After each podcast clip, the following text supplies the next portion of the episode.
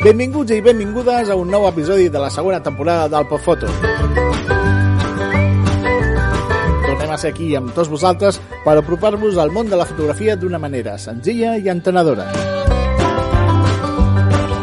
Per a qui no ens conegui, Podfoto és el podcast de Com Ràdio dedicat a parlar en català sobre fotografia. Primer de tot em presento, sóc en David Rius, realitzador del podcast i fotògraf especialitzat en fotografia de concerts i espectacles. En aquest quart episodi del podcast continuem parlant sobre el personatge de Robert Capa i la seva famosa fotografia Mort d'un milicià, però ho farem coneixent la biografia d'una dona que hi té molt a veure. Però abans de desvelar-vos de qui parlem, fem el recordatori de les vies de contacte i de les nostres xarxes socials. Ens podeu enviar els vostres suggeriments, propostes, preguntes, dubtes, el que vulgueu al nostre correu electrònic mediacomradio arroba gmail.com mediacomradio arroba gmail.com i també per missatge directe al nostre compte d'Instagram arroba podfoto barra baixa mediacomradio podfoto barra baixa mediacomradio. I també estem a Twitter arroba mediacomradio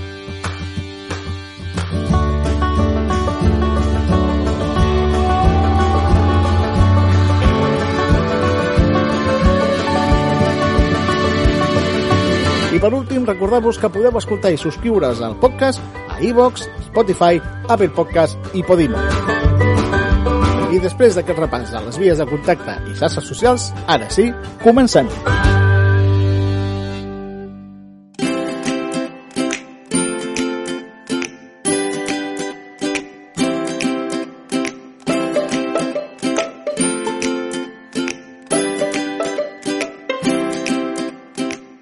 apuntat abans, en l'episodi d'avui coneixerem la biografia de la dona que, junt amb el fotoperiodista Endre Friedman, va crear el personatge Robert Capa. Ens estem referint a Gerda Taro. Anem a conèixer aquesta gran fotògrafa.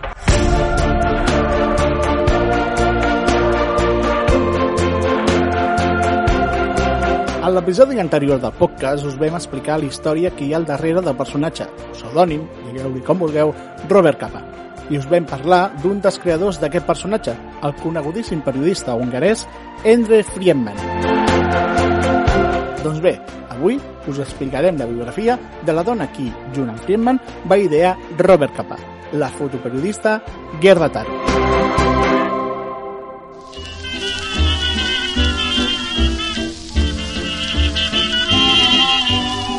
Mit einem Blick, mit einem Kuss, mit einem zärtlichen Lächeln. Gerda Porol, nom real de Taro, neix un 1 d'agost de 1910 a Stuttgart, Alemanya, en el si d'una família jueva d'origen polonès.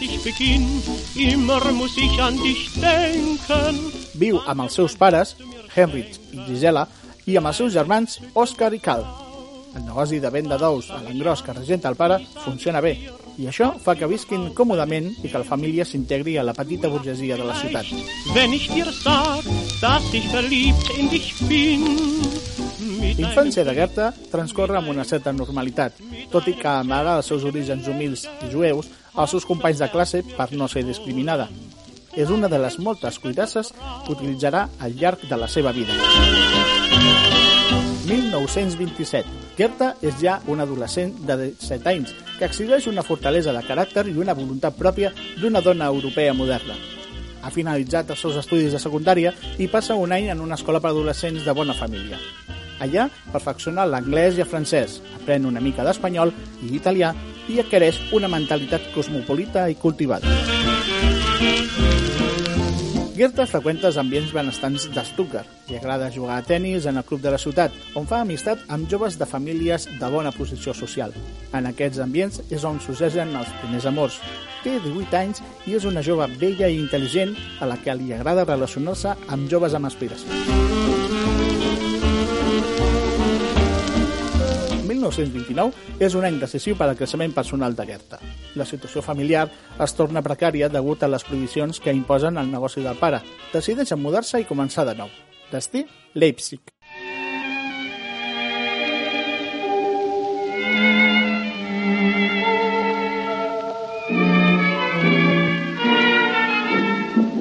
Gerta i la seva família arriben a Leipzig i s'instal·len. Allà s'inscriu en la Gaudic Schule, un centre que gaudeix de bona reputació per les seves ensenyances de caire progressista i humanista.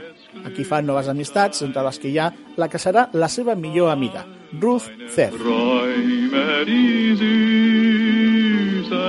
Les dues assisteixen sovint a les xerrades i trobades polítiques que celebren al centre. Escolten a gent com Erwin Ackerner, George Kulskes o Willy Chardak parlar sobre injustícia social, unitat de la joventut obrera o sobre la creixent i preocupant amenaça del feixisme. Tots aquests arguments sedueixen a Gerta i Ruth, que prenen consciència i simpatitzen amb els moviments socialistes i obrers.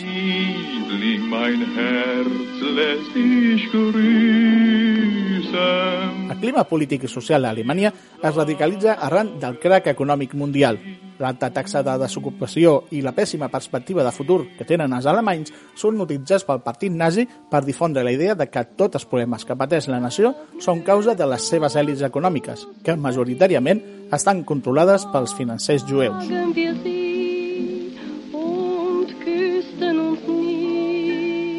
Per extensió, es culpa a tota la comunitat jueva de les desgràcies que pateix el poble alemany. És el cop d'efecte definitiu que els nazis utilitzen per implantar el seu ideari antisemita en la societat alemanya.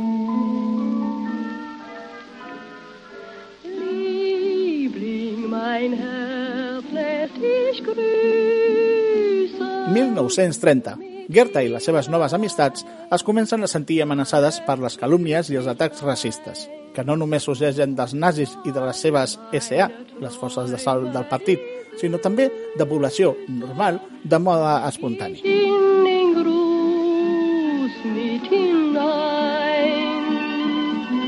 En els següents dos anys, l'ambient a Alemanya és gairebé insostenible.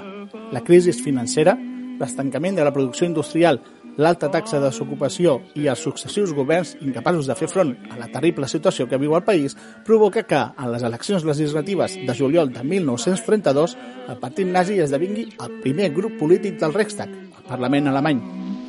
Und dir sagen,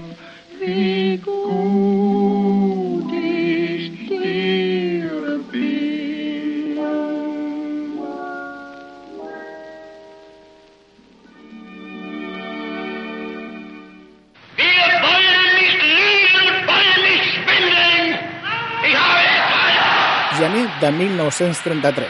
Adolf Hitler és nomenat canceller d'Alemanya.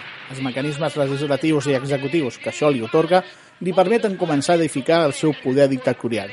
Després de l'incendi el 27 de febrer del Reichstag, la Constitució del país queda suspesa. Es declara il·legal el Partit Comunista i s'inicia una enorme persecució contra tot l'espectre antifeixista. Neix l'estat del Partit Únic. A Leipzig, on viu Gerta i la seva família, s'organitzen grups opositors al nazisme. Ella mateixa simpatitza amb els partits d'esquerra i comença a participar en petits actes de resistència i de propaganda junt a Alfred Schmidt-Sass, membre del Partit Comunista. Ell és qui acaba fent de Gerta una dona política.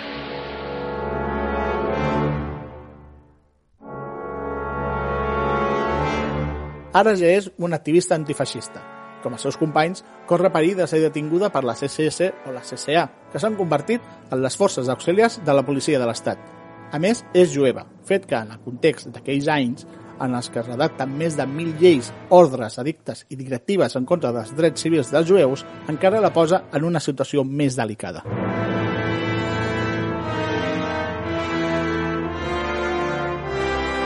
El 18 de març d'aquell 1933, Gerta és detinguda per una columna de la CCA al domicili familiar.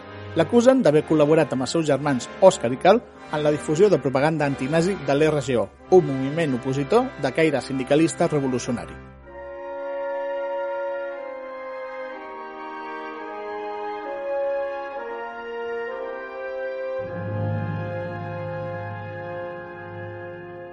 Ingressa de manera preventiva a la presó de Waterstrasse, on hi passa dues setmanes.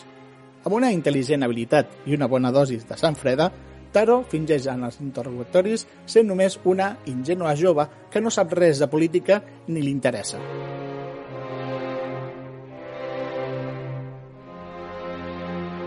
Amb les seves declaracions transmet la impressió de que no hi ha res de què acusar-la, ni que tampoc pot subministrar cap tipus d'informació rellevant. Tot i això, les SA la mantenen a presó com a moneda de canvi fins que els seus germans s'entreguin. Després d'un temps sense proves de la seva pertinença a algun grup polític, sindicat o organització d'esquerres, i gràcies a la mediació que realitza el cònsul de Polònia, la deixen en llibertat. El seu passaport polonès li ha sigut molt útil.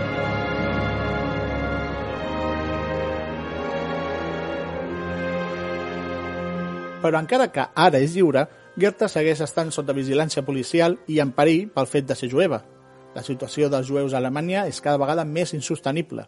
Es succeeixen els atacs i els boicots contra els comerciants i els clients de negocis jueus. Aquestes intimidacions per part de la CSS i la CSA fan que el pare de Gerta tanqui el negoci.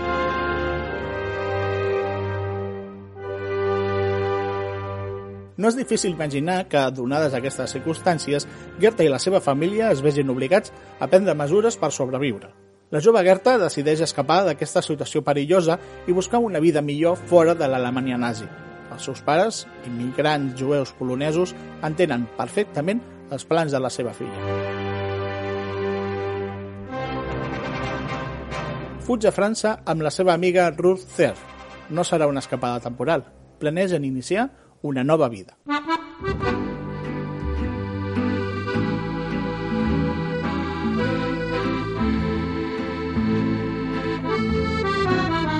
Gerta i Ruth arriben a París, després de fer una breu estada a Stuttgart, entre els mesos de setembre i octubre de 1933. S'instal·len en un modest apartament que està força a prop de Montparnasse, un bulliciós barri ple de cafès freqüentats per immigrants, artistes, escriptors i lliurepensadors vinguts de tot arreu. Gerta troba feina com a secretària a temps parcial en el despatx del psicoanalista René Spritz, no guanya gaires diners, però amb l'ajuda econòmica que rep dels comitès d'ajuda creats per les forces d'esquerra i el que li proporcionen amics emigrats com ella, va tirant endavant. Gerta i Ruth, que treballa com a minyona, es consideren afortunades. Encara que els sous que guanyen els arriba just per pagar el lloguer i la manutenció, estan satisfetes d'haver pogut sortir de l'angoixant i perillós ambient que es viu a l'Alemanya nazi.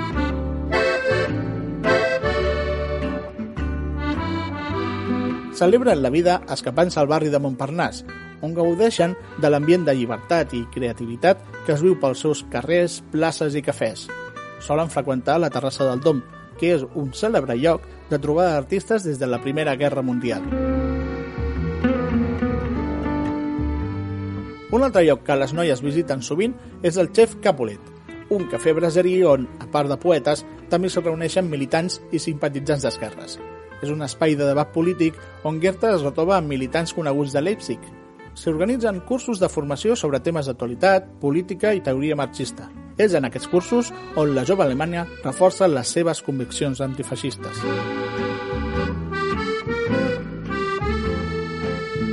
I un dia, assegudes a la terrassa d'un cafè de Montparnasse, mentre estan llegint uns exemplars de la revista Vu i el setmanal Regars, se'ls apropa un jove fotògraf de cabells foscos que li demana permís a Ruth per fotografiar-la. Explica que necessita una noia rosa d'ulls blaus per una sessió publicitària. Ruth accepta la proposició, però no vol anar sola a la cita. Demana a Gerta que l'acompanyi, qui li diu que sí.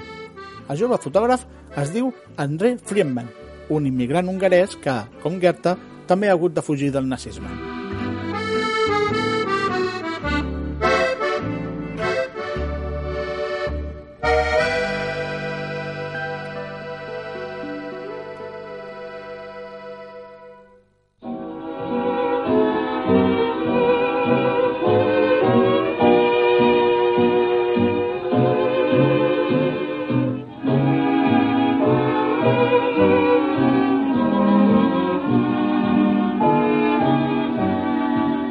Goethe troba a André divertit, guapo, carismàtic i poc convencional, fet que l'atrau moltíssim.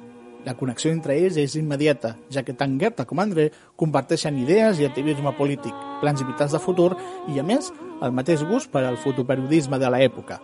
Es fan amics de seguida. Ella admira d'ell el seu carisma, la seva riquesa d'idees i, sobretot, el seu talent natural per la fotografia. Està fermament decidida a ajudar-lo perquè se'l reconegui professionalment com es mereix. Aquesta admiració aviat es converteix en amor i esdeven en parella. El mateix André li ensenya fotografia a Gerta, qui es converteix formalment en la seva aprenent i ajudant. A força de molta pràctica, constància i tenacitat, Gerta aconsegueix aprendre l'ofici, fet que li proporciona feina en l'agència Allianz Photo. La parella passa en aquells anys a París treballant molt dur, realitzant encàrrecs poc interessants i sovint mal pagats. Hi ha una competència ferotge que fa que sigui molt complicat aconseguir bons encàrrecs i fer-se un lloc en els mitjans escrits sense tenir bons contactes o recomanacions. Però Gerta i André estan més que decidits a demostrar la seva vàlua com sigui. Per aconseguir-ho, ella decideix que s'han de vendre millor. Comença per millorar l'aspecte exterior d'André, poc adequat per visitar els editors i oferir-los els seus treballs.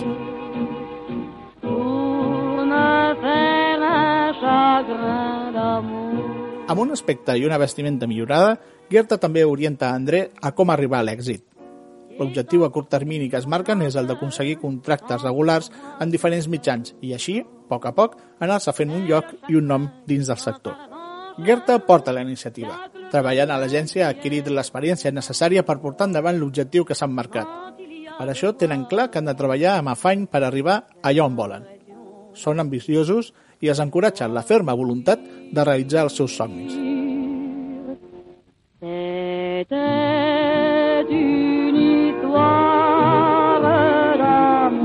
Els treballs d'André comencen a ser reconeguts. Coneixen el negoci i estan més o menys ben relacionats. Decideixen que treballaran els dos junts per augmentar les seves possibilitats d'èxit.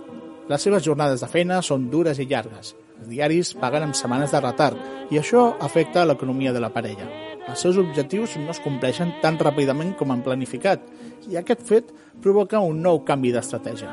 I és en aquest punt de la història on Gerta i André decideixen recórrer a mitjans no convencionals per resoldre els seus problemes d'una vegada per totes.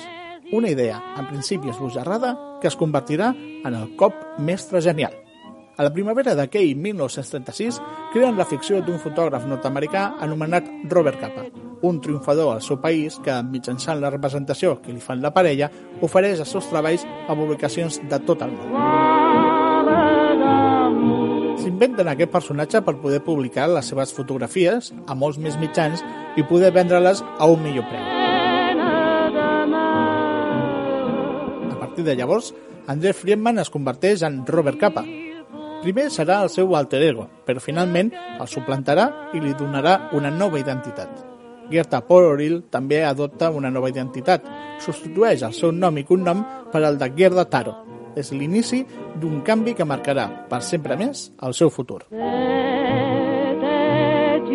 Sota el pseudònim Robert Capa, reuneixen el treball que tots dos realitzen. Tot el material signat com capa es ven millor.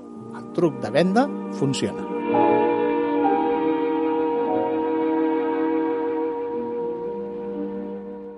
Debout les damnés de la terre, debout les forçats de la femme. 1 de maig de 1936. L'ambient a París i a tota França està caldejat per les imminents eleccions legislatives, marcades per la insatisfacció i el desig de canvi que tenen els francesos. Gerda i André, o millor dit, Taro i Capa, cobreixen per a la revista Regers varis actes de campanya del Front Popular, una coalició de partits d'esquerres que, a semblança del Front Popular d'Espanya, pretén guanyar els comicis.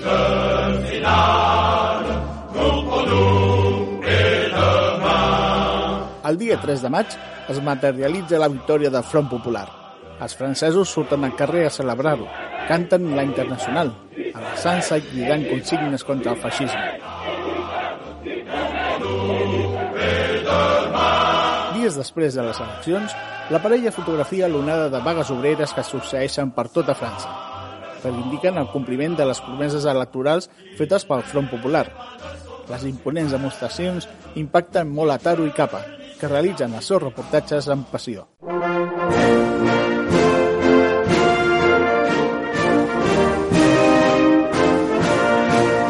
...14 de juliol de 1936. La parella viu intensament la celebració de la Diada Nacional Francesa i de la fi de les vagues i mobilitzacions obreres.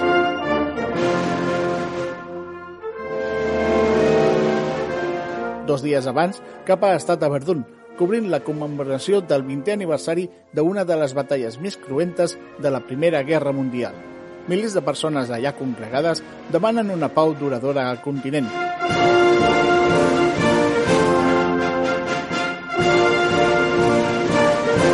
Cementiri militar es fa un emocionant acte on una veu infantil demana pau per al món, però Europa no ha après dels errors del passat.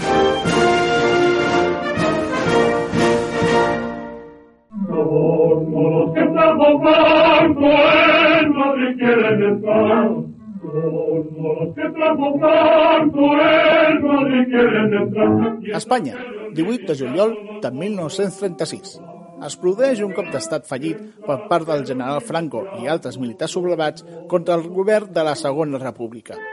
El conflicte acaba derivant en una guerra civil. Taro i Capa s'assabenten al cap d'uns dies de la notícia de l'alçament militar i l'inici de la guerra. Moguts pel seu fort sentiment antifeixista, comencen a buscar la manera de viatjar a Espanya quan abans millor.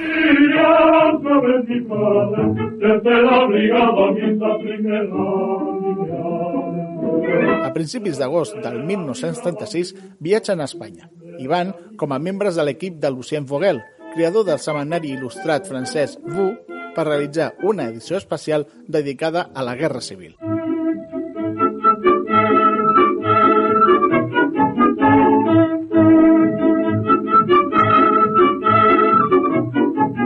La comitiva arriba primer a Barcelona, on realitzen reportatges sobre la mobilització de la població civil en les diferents milícies vinculades a partits polítics i organitzacions sindicals.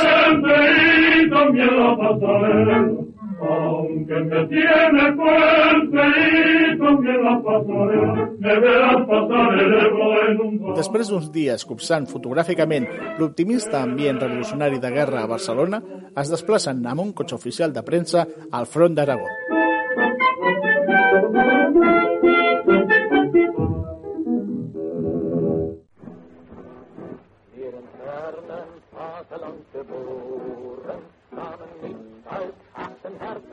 Arriben a front d'Osca, on fotografien a milicians acampats en improvisats refugis que es fan càrrec de metralladores i bases d'artilleria i que, inclús, ajuden els camperols de la zona a collir i batre el blat.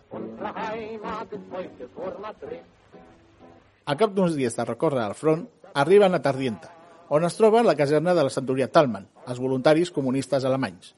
Gràcies al domini que tant Taro com Capa tenen de l'idioma, estableixen molt bones relacions amb els brigadistes, que es deixen fotografiar per la parella en un ambient distès i relaxat.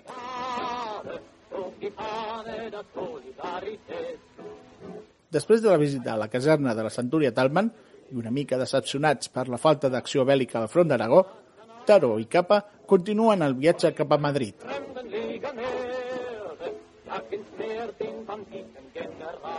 Quan arriben a la capital, noten que la ciutat transmet més sensació d'estar en guerra que Barcelona.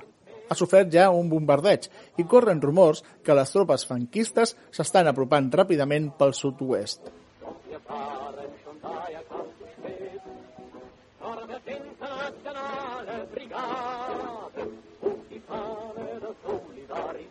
Gerda i Robert capten amb les seves càmeres la voluntat de resistència que té la ciutadania de Madrid, volcada a les tasques de salvaguardar la ciutat al preu que sigui.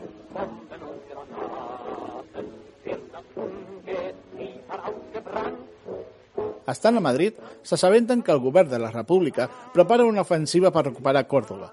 De seguida, es proveixen de carners de premsa, salconduïts i un cotxe amb conductor per emprendre camí cap a la ciutat andalusa.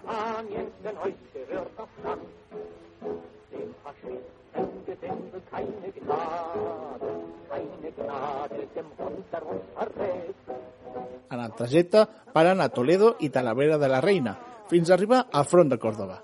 Allà s'aturen momentàniament a la caserna de Montoro per reprendre, acte seguit, camí cap al Cerro Muriano.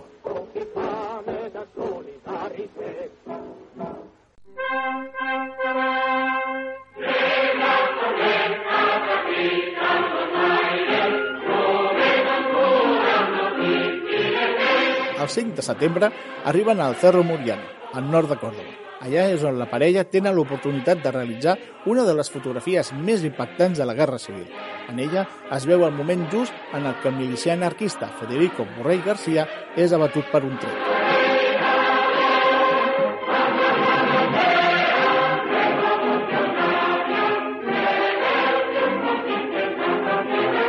Aquesta fotografia, coneguda amb el títol de Mort d'un milicià, està considerada com un dels grans símbols antigalicistes de tots els temps. Es publica per primer cop el dia 23 del mateix mes en el número especial de la revista Bu dedicat a la Guerra Civil. Forma part de les fotografies que il·lustren el reportatge anomenat Com van caure. La publicació aconsegueix un gran impacte en els lectors i una enorme repercussió a França i a tota Europa.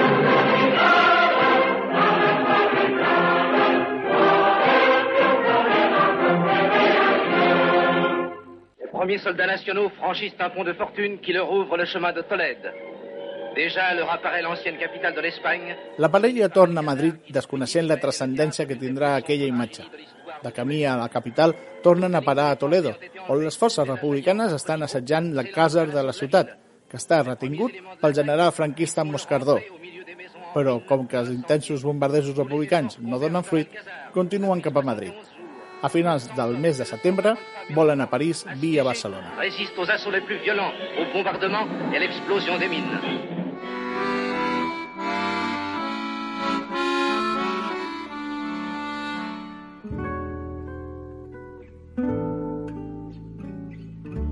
encara que una mica decebuts per no haver pogut mostrar alguna victoriosa acció militar republicana, aconsegueixen un enorme èxit professional. Els seus treballs ja han sigut publicats, encara que el paper de Guerda ha quedat eclipsat per al de Capa, que ha començat a escriure el seu propi mite.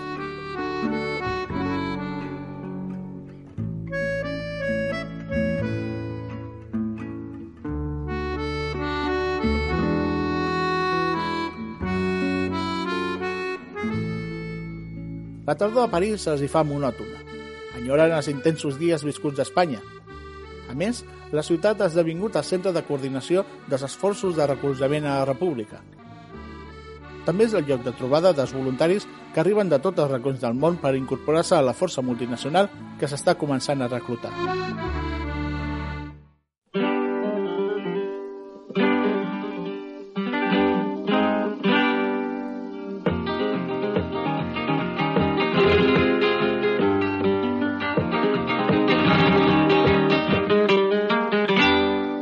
De 1937, la parella torna a viatjar a Espanya. Aquest cop es dirigeix a Almeria, on hi ha milers de refugiats de la batalla de Màlaga que han fugit de les barbaritats provocades pels feixistes al camp de Gibraltar. A Almeria fotografien les conseqüències de la cruel ofensiva comandada pel general Queipo de Llano. Veuen ancians, dones i nens en estat de xoc, indefensos i adolorits pel tortuós viatge port de la ciutat, Guerda fotografia l'armament i la tripulació del cuirassat Jaime I, el més important de la flota republicana que fa tasques d'evacuació de refugiats. Dies més tard, Taro i Capa decideixen avançar per la costa en sentit contrari a l'èxode i arriben fins a Calahonda. Durant el camí han pogut fotografiar famílies amb tots els seus efectes carregats en cavalls, ases i atrotinats carretons imatges que revelen el patiment de la població civil. Dues d'aquestes fotografies, fetes per Gerda, són publicades en el setmanari Regars.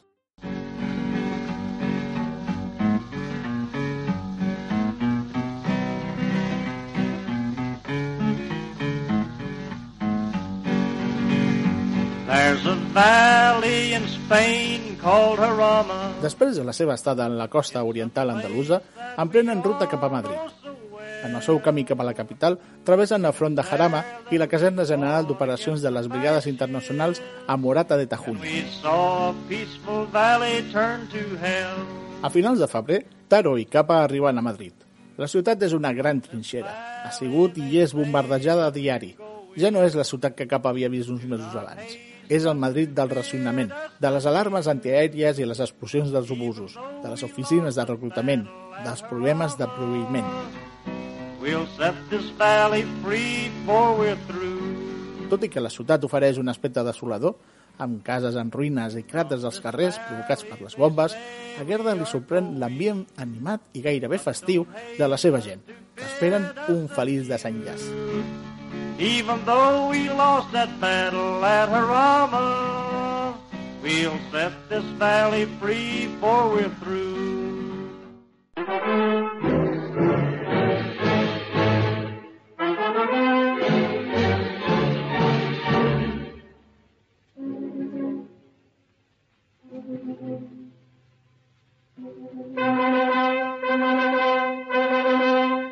Capa torna a París a inicis de març i Gerda es queda sola a Espanya fins a finals de mes. Aquelles setmanes en solitud són decisives per a ella, ja que suposaran l'inici de la seva carrera en solitari.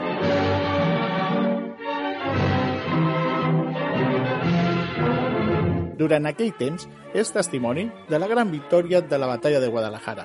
A part de fotografiar armament, tropes i presoners de les tropes italianes enviades per Mussolini, també retrata el general republicà Miaja i a Dolores Ibarrouri, la passionària, que s'ha desplaçat fins allà per visitar l'onzena divisió d'Enrique Lista.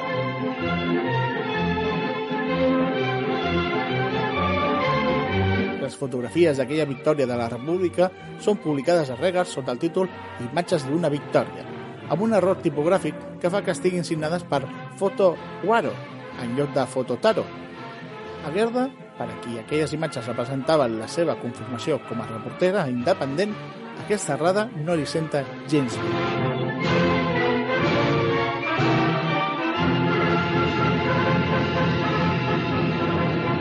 Després de presenciar aquella gran victòria republicana a Guadalajara, Taro es desplaça fins a València, on fotografia regiments de l'exèrcit popular i cursos de formació militar per a la població. Des d'allà, torna a París.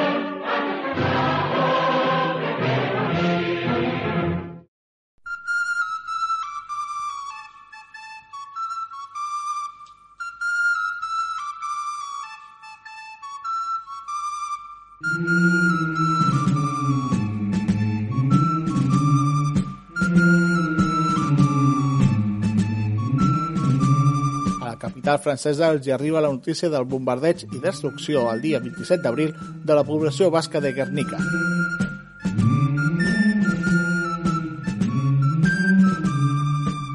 La parella comença a gestionar els permisos per poder viatjar a la zona. A finals de mes, Capa, sense Taro, viatja a Biarritz i des d'allà vola fins a Bilbao. Quan arriba a la capital biscaïna, fotografia el terror de la població i la batalla de la muntanya Soyube, que guanyen els feixistes.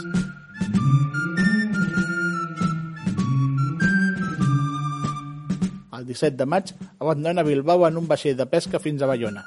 Des d'allà arriba a París.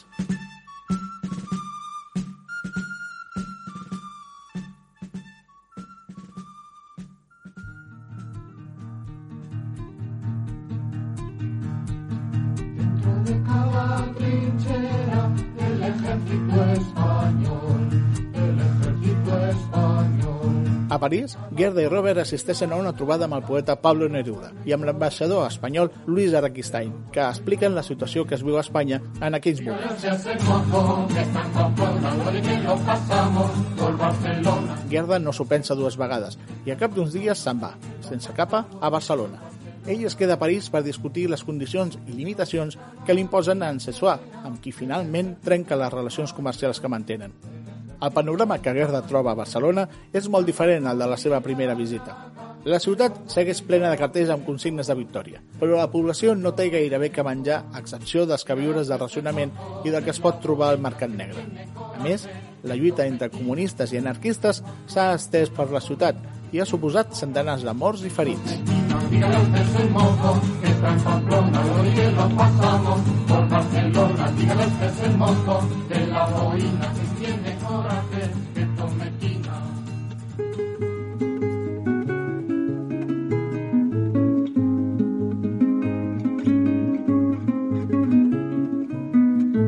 Després de copsar l'ambient que es viu a la capital catalana, Gerda continua el seu viatge cap a Madrid, on es retroba amb Robert el dia 31. Ell ha arribat uns dies abans a la capital i ara porta entre les mans una petita càmera de cinema de la marca Eyemo que li ha prestat Richard de Richmond, encarregat a Europa de la sèrie documental sobre actualitat The March of Time. A partir d'ara, la parella també filmarà el frenar. Roden per primer cop a Navacerrada, Granja i al riu Eresma durant una ofensiva republicana. Amb l'Eyemo també filmen les maniobres dels tancs, els moviments de tropes i a oficials republicans estudiant mapes o parlant per telèfon durant la presa de Segovia. Tot aquest material audiovisual es reuneix i es munta sota el títol Rehearsals of War. De tornada a Madrid, Guerda fotografia a un grup de dinamiters, fama de combatents valerosos, que traten de repel·lir a l'exèrcit feixista al barri obrer de Carabanchel. També filmen amb Leyemo imatges d'una fàbrica de munició.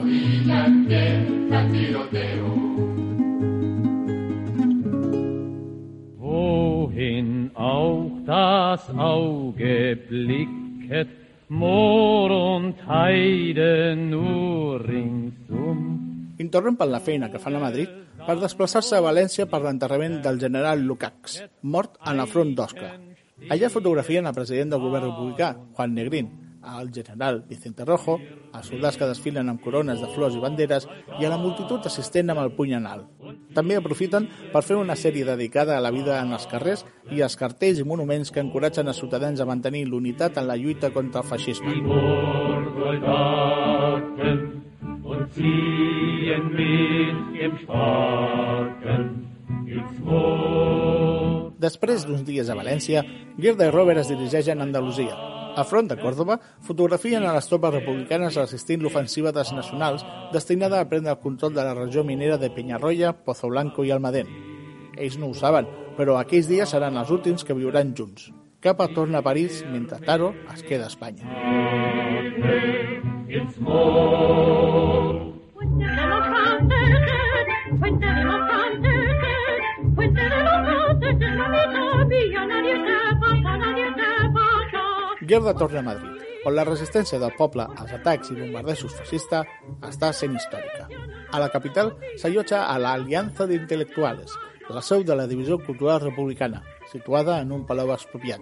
Allà és on coneix intel·lectuals, artistes i escriptors, entre els quals hi ha Maria Teresa León i el seu marit, el poeta Rafael Alberti, amb els que Taro estableix una molt bona amistat. Porque los mía, que bien te guarda, que bien te guarda. La vida de Taro a Madrid és com la de qualsevol dels milicians que defensen la ciutat. Vesteix com ells, amb mono de drill i espardenyes, recorre els mateixos carrers, menja als mateixos llocs, viu les mateixes pors, esperances i alegries, canta les mateixes cançons i lluita contra el mateix enemic en els mateixos escenaris. Però a diferència dels seus camarades, l'arma que ella utilitza és la seva càmera, amb la que fotografia la realitat que l'envolta i que ella vol transmetre a tot el món.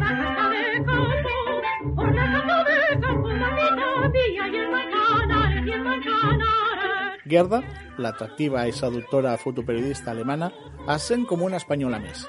Compromesa totalment amb la causa republicana, s'ha guanyat el respecte, l'amistat i l'estima de tothom. Està feliç perquè Espanya ha trobat una cosa que l'omple, la satisfacció de ser útil en la lluita per la llibertat.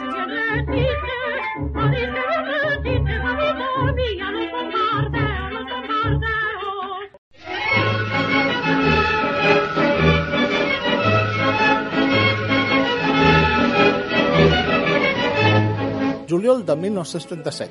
Gerda cobreix els actes del Segundo Congreso de l'Associació Internacional d'Escritores para la Defensa de la Cultura, un tipus d'internacional de les lletres que s'inaugura a València, continua a Madrid, passa per Barcelona i es clausura a París.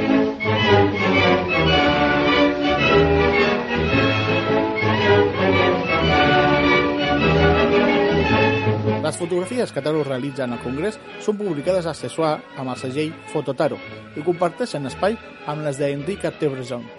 Finalment ha arribat l'esperat reconeixement al seu treball independent del pseudònim Capa. Després d'uns dies cobrint les actes d'inauguració del Congrés d'Escriptors a València, Gerda torna a Madrid, junt amb els altres companys de l'Aliança d'Intel·lectuales, per cobrir els actes que es celebraran a la ciutat.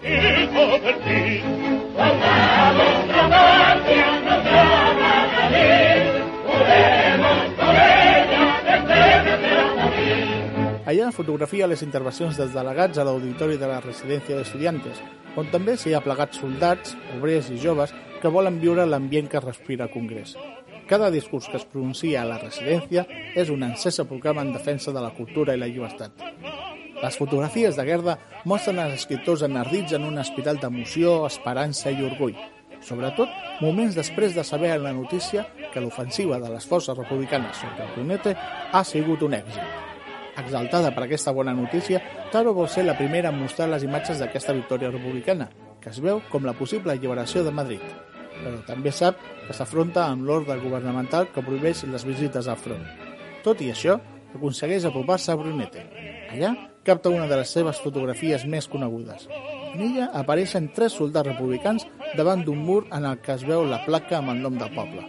La fotografia és com un trofeig, ja que ofereix una prova irrefutable de que la població ha sigut conquistada.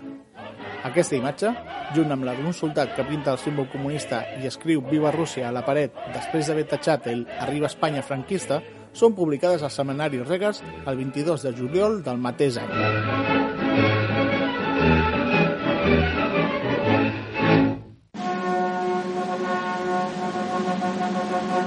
14 de juliol. Gerda viatja breument a París per celebrar, junt amb Robert i uns amics, la Diada Nacional Francesa. En aquells dies, amb motiu de la proximitat del primer aniversari de l'esclat de la Guerra Civil Espanyola, s'editen números especials del Sessoir i els Regars per commemorar l'efemèride. En aquestes edicions especials apareixen nombroses fotografies de Gerda, les més recents fetes a Brunete i una selecció de les realitzades al llarg del darrer any, és la constatació del seu èxit com a fotògrafa de guerra.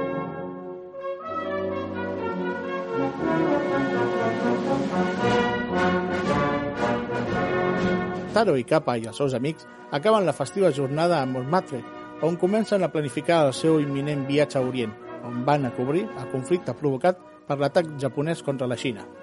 Encara que la relació professional entre la parella és estable i el nou projecte molt engrescador, Gerda no hi està interessada.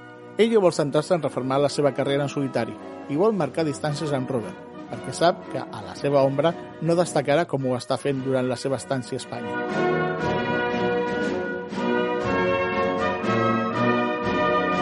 Els camins de la parella es tornen a separar. Amb dos pensen que serà una separació temporal, com les altres que han viscut, però aquesta serà la definitiva. El destí imposarà un tràgic final.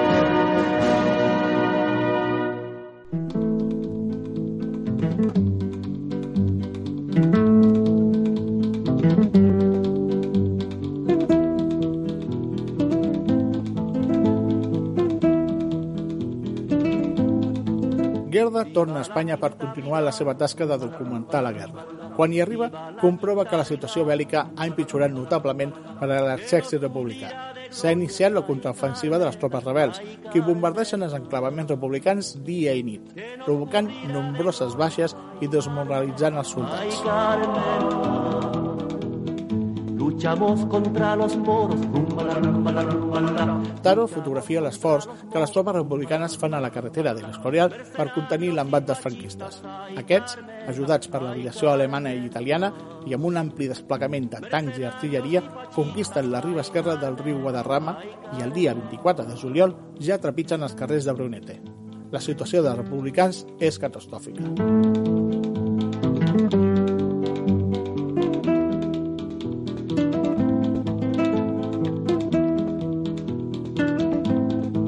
Diumenge 25 de juliol. Encara que molta gent dona per perdut el front de Brunete, Gerda decideix tornar-hi en el pitjor moment per a l'exèrcit republicà. Vol una sèrie de bones fotografies d'acció que emportar-se a París. Demana a Ted Allen que l'acompanyi. Aconsegueix un cotxe i enfilen el camí cap al front. En un punt de la carretera de Villanueva de la Canyada, observen detalls que els hi dona a entendre que els rebels han conquerit completament la zona. Conductor francès es nega a continuar. Buena paliza le dio. Ay, Carmela, ay, Carmela. Gerda i Alan continuen a peu, creuant un camp de blat fins a la caserna del general Walter. Aquest, que es troba en una situació de combat molt complicada, no es pot responsabilitzar de la protecció dels reporters i es ordena que marxin. Ells desatenen aquella ordre i s'amaguen en un forat provocat per les bombes on gairebé no hi caben i que no els ofereix gaire protecció. Alan vol marxar d'allà, però comença un atac dels avions feixistes que té com a objectiu metrallar sense pietat els soldats que resten a les trinxeres. No tenemos días lunes, ay Carmela, ay Carmela. Cauen les bombes molt a prop de la seva situació. Mentre Ted es cobreix el cap aterrit, Gerda no para de treure fotos sense parar. Inclús té la sang freda a continuar disparant la seva leica tombada d'esquena mentre un avió obre foc contra ells. Està tan concentrada en la seva feina que no sent por a la mort. Ay Carmela, ay Carmela. Con los tanques y granadas, ay Carmela. Gerda i Alan passen diverses hores envoltats en una situació caòtica. Està convençuda de que en els seus rodets està el millor material de guerra que ha fet mai, obtingut des del cor de la batalla. Un trofeu d'or de la seva estància a Espanya.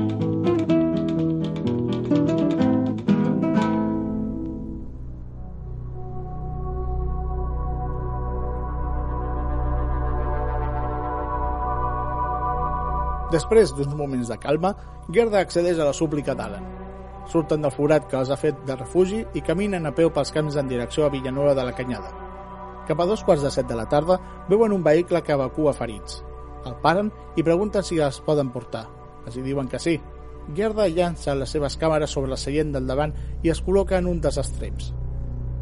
Avancen lentament. Abans d'arribar a Valdemorillo, es sorprèn una nova onada d'avions rebels volant a baixa alçada, sembrant de nou la confusió entre els convois republicans. Llavors és quan un tanc descontrolat es creua la carretera. El conductor del cotxe on va Gerda i Alan fa un viratge brusc per esquivar-lo. Sembla que ho aconsegueix, però el tanc s'abalança sobre el vehicle i el colpeja lleugerament a la part del davant. De resulta del xoc, Gerda cau. Les cadenes del tanc li aixafen el cos. Crida demanant ajuda, però Alan també ha caigut del cotxe pel costat contrari i no pot moure les cames. Mentre els avions continuen sobrevolant el terreny, algú arrossega Alan fins a una raça per posar-lo a cobert. Quan acaba l'atac, crida a Gerda, però li diuen que l'han evacuada en ambulància a l'hospital anglès d'El Goloso. Un cop a l'hospital, és operada pel prestigiós doctor Douglas Julie, que pot fer poc per ella, degut a les gravíssimes ferides que presenta. Al personal mèdic només els hi queda deixar-la morir. Li administren morfina per evitar-li el patiment i el dolor. Gerda passa les seves últimes hores de vida en solitud envoltada d'altres ferits moribunds com ella. Cap a les 5 de la matinada del 26 de juliol, només 6 dies abans del seu aniversari, mor.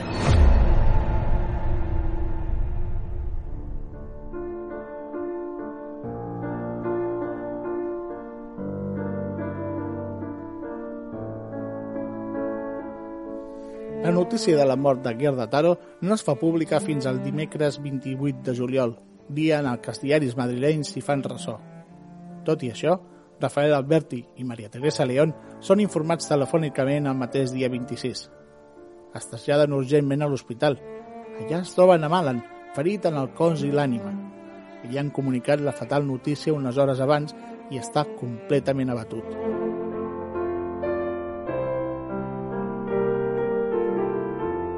Albert i León són acompanyats fins a l'habitació on descansen les despulles de Gerda.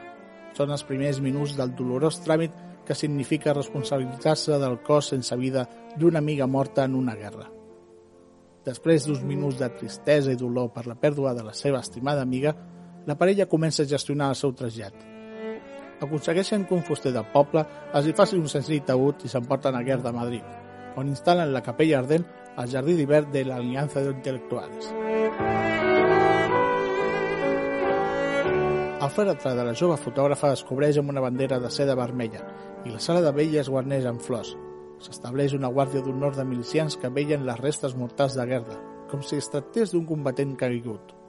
Nombroses personalitats de les comissions obreres, caps militars, periodistes, escriptors, amics i gent que la coneixia assisteixen a l'aliança per donar-li l'últim adeu.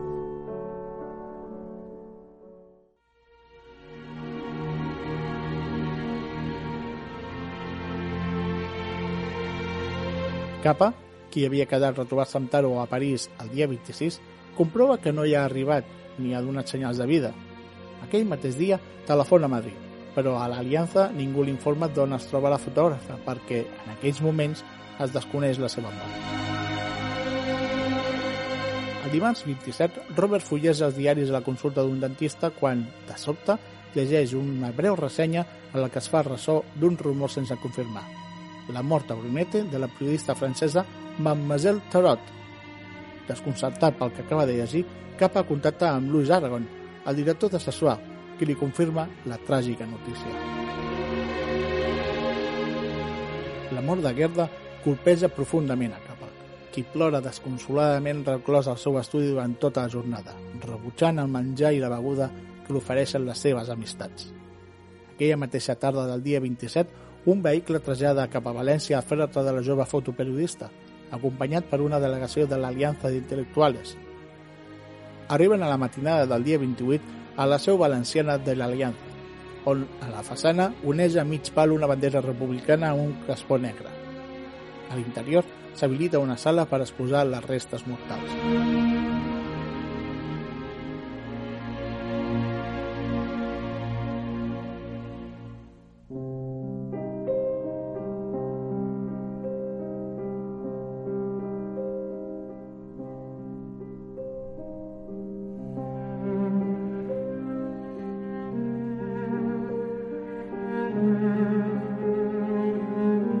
Mateix dimecres 28, la premsa francesa recull àmpliament la notícia, especialment el diari Sassuà, que publica en portada una fotografia d'una somrient Gerda acompanyada d'una extensa ressenya, en moda d'homenatge, de la mort de la seva fotoreportera. En planes interiors amplia la informació de succés i la contraportada es dedica a mostrar algunes de les últimes fotografies de la batalla de Brunete i dels bombardejos de Madrid fetes per Tàrau. El diari inicia els tràmits de repatriació de les restes mortals i l'organització dels actes fúnebres previs a l'enterrament. La seva idea és que Gerda rebi a París l'homenatge que es mereix, en devolució a l'estima que ella sentia per la ciutat que la va acollir. Mentrestant, Cap ha acudit desesperadament al domicili de Ruther, l'íntima amiga de Taro, per demanar-li que l'acompanyi a Espanya a recollir el cadàver. Junt amb Paul Nizan, responsable de la secció internacional del diari, emprenen camí cap a Toulouse.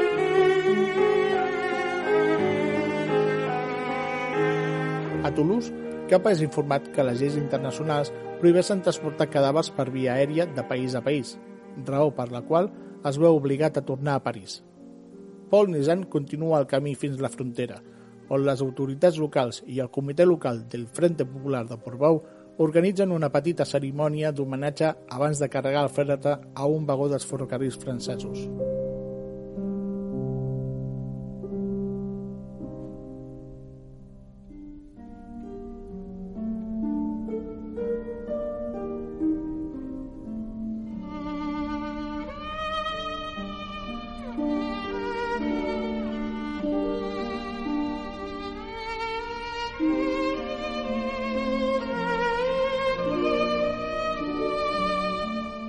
Restes mortes de Gerda arriben a París sobre les 9 del matí del divendres 30 de juliol.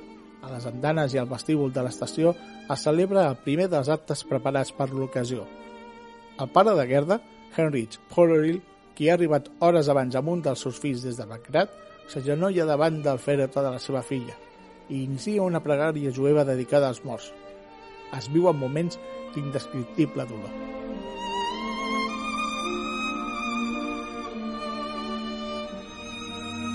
Heinrich i Robert es veuen cara a cara.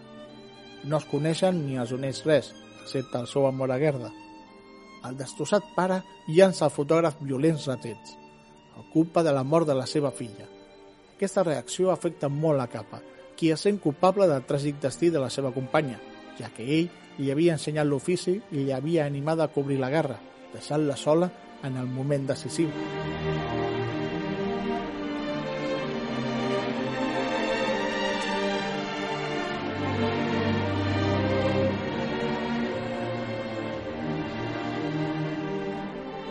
La capella ardent s'instal·la a la planta baixa de la Maison de la Culture. Al costat del fèretre s'ha col·locat una fotografia de Gerda i està envoltada de flors. A pocs metres s'exhibeixen algunes fotografies preses per ella. La pomposa litúrgia funerària que ha preparat el partit i el diari fa que no sigui un velatori íntim. Una riuada de gent s'apropa a homenatjar a Taro. una àmplia representació de la societat francesa desfila pel Saló de la Casa de la Cultura, que roman oberta durant tot el dissabte.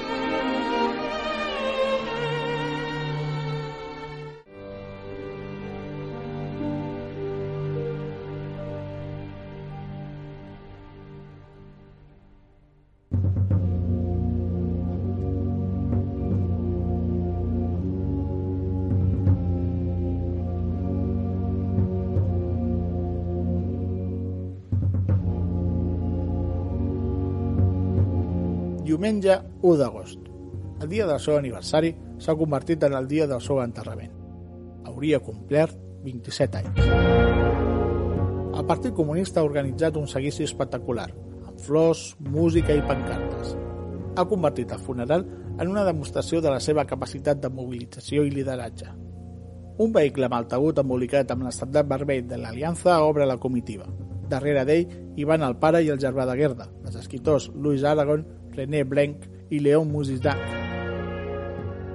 Companys de professió com Paul Nizan i Lucien Vogel i, com no, Robert Capa, qui camina plorant desconsoladament.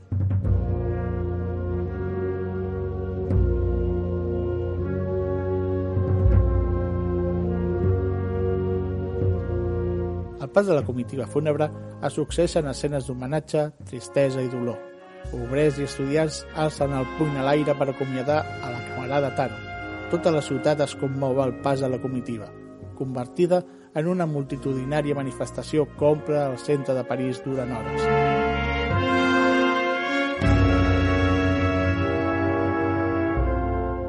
A l'arribar al cementiri prenen la paraula Jean-Richard Bloch, Louis Aragon i José Bergamín. Finalitzades les intervencions, es dona sepultura al fèretre de Gerda, que finalment queda en solitud.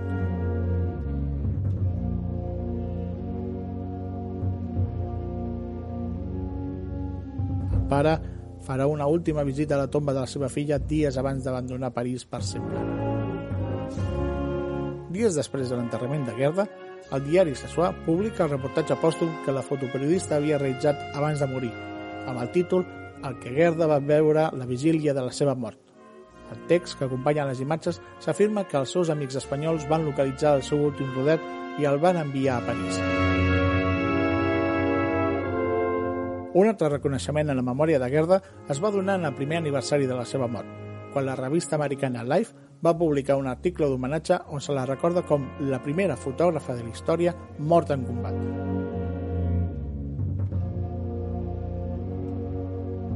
Pel que fa a Robert Capa, la seva existència va quedar marcada per la mort de la seva estimada.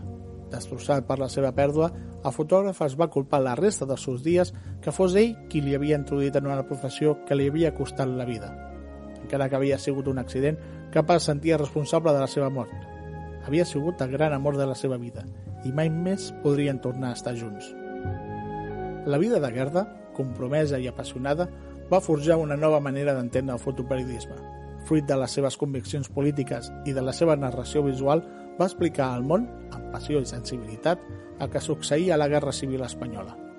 Les seves fotografies, molts cops atribuïdes a Robert, es van convertir en testimonis gràfics de la lluita per la vida i la llibertat dels homes i dones que ho van donar tot per defensar tants nobles valors.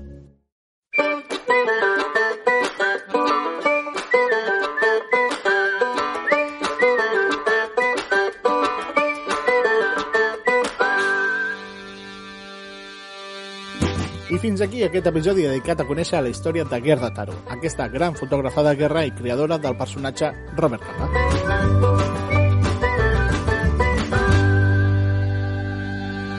En el proper capítol de Pofoto estrenarem una nova secció d'aquesta temporada, els recomanats. No us el perdeu.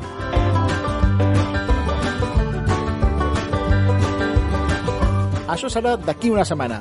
Fins llavors, ens podeu seguir al nostre perfil d'Instagram, podfoto barra baixa Mediacom Ràdio, podfoto barra baixa Mediacom Ràdio i escoltar-nos mitjançant les plataformes iVox, Spotify, Apple Podcast i Podimo.